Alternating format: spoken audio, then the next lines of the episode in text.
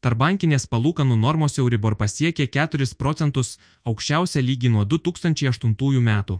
Vis tik daugėja ženklų, kad kitais metais Europos centrinis bankas jau kovos nebe su infliacija ir pradės mažinti palūkanų normas.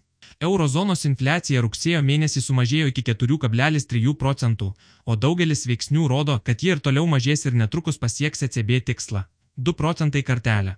Svarbu ir tai, kad infliacija kai kuriuose eurozono šalyse jau priartėjo prie nulio ar net yra neigiama.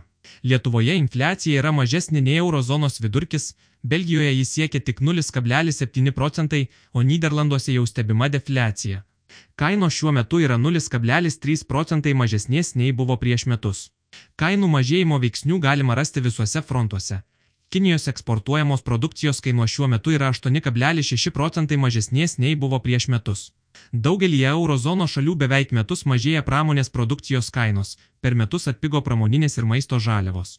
Žaliavinio pieno kainos daug kur Europoje sumažėjo penktadaliu, o kviečių kaina beveik per pus mažesnė nei buvo prieš metus. Nešventė ūkininkams, bet vartotojams patiks. Ko ne vienintelis infliacijos veiksnys, apie kurį pastaruoju metu daugiausiai kalba ECB, yra sparčiai augantis atlyginimai. Šiuo metu eurozonoje vidutinis darbuotojo darbo užmokestis yra apie 5,5 procentų didesnis nei prieš metus, o tai yra maždaug dvigubai spartesnis augimas nei praėjusį dešimtmetį. Tačiau nepaisant nemažo minimalaus atlyginimo šuolio ir daugelie šalių reiklesnių kolektyvinių dėrybininkų, nėra daug pagrindo manyti, kad būtent atlyginimų augimas šiuo metu kursto infliaciją. Pavyzdžiui, tarp didžiųjų eurozono šalių sparčiausiai atlyginimai auga Belgijoje. Per metus jie išaugo 8,6 procentai. Tačiau infliacija ten siekia vos 0,7 procentai paties ECB tyrimai rodo, kad nemažai praėjusių metų infliacijos dalis buvo susijusi su pelno maržų augimu, o jos, atvėsus paklausai, gali ir sumažėti.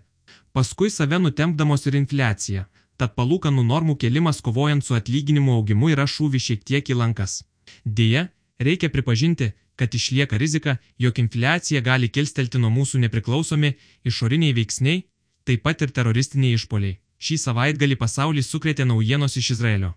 Baiminantis karinio konflikto išplitimo vidurio rytuose, naftos kaina pakilo keliais procentais, bet išlieka beveik dešimtadaliu pigesnė nei buvo prieš dvi savaitės.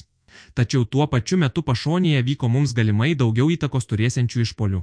Sekmadienį Suomijos ir Estijos dujų operatoriai pastebėjo staigų slėgio kritimą Baltijos jūros dugne esančiame dujų vamzdyje Baltitsonettor ir sustabdė dujų tiekimą juo. Suomijos vyriausybė pranešė, kad dujotiekiui pakenkė išoriniai veiksniai, o Norvegijos seismologijos institutas pranešė, kad ten, kur buvo aptiktas dujų nuotėkis, užfiksuotas sprogimas. Šio galimo sabotažo aplinkybės ir galimi kaltininkai galbūt paaiškės vėliau, bet dvi pasiekmės jau matomos dabar. Pirmoji - suskystintų gamtinių dujų kaina pašoko daugiau nei dešimtadaliu. Antroji - prisimenant ir lygiai prieš metus susprogdintą Nord Stream dujotiekį, nesunku padaryti išvadą, kad kritiniai energetikos infrastruktūros taškai yra pažeidžiami ir išlieka hybridinių atakų objektu. Galiausiai pasaulyje daugėja ženklų, kad ne kainų augimas, o paklausos kritimas tampa opiausia ekonominė problema. Aukštesnė pinigų kaina pirmiausiai neigiamai paveikia nekilnojamojo turto sektorius, Daugelie šalių sandorių skaičius yra nukritęs į žemiausią lygį per penkis metus, mažėja ir kainos.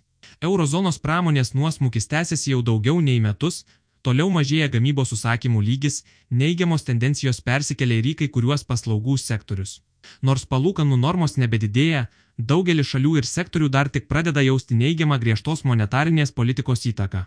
Daug kur griežtėja kreditavimo sąlygos, kai kuriuose šalyse jau traukiasi paskolų portfelis ne Lietuvoje, o tai dar labiau slopins vartojimą ir investicijas. Kol kas eurozonoje nedarbo lygis išliko rekordiškai žemas, o tam turbūt padėjo ir praėjusių metų infliacija. Išaugusios įmonių pajamos sumažino realias darbo sąnaudas.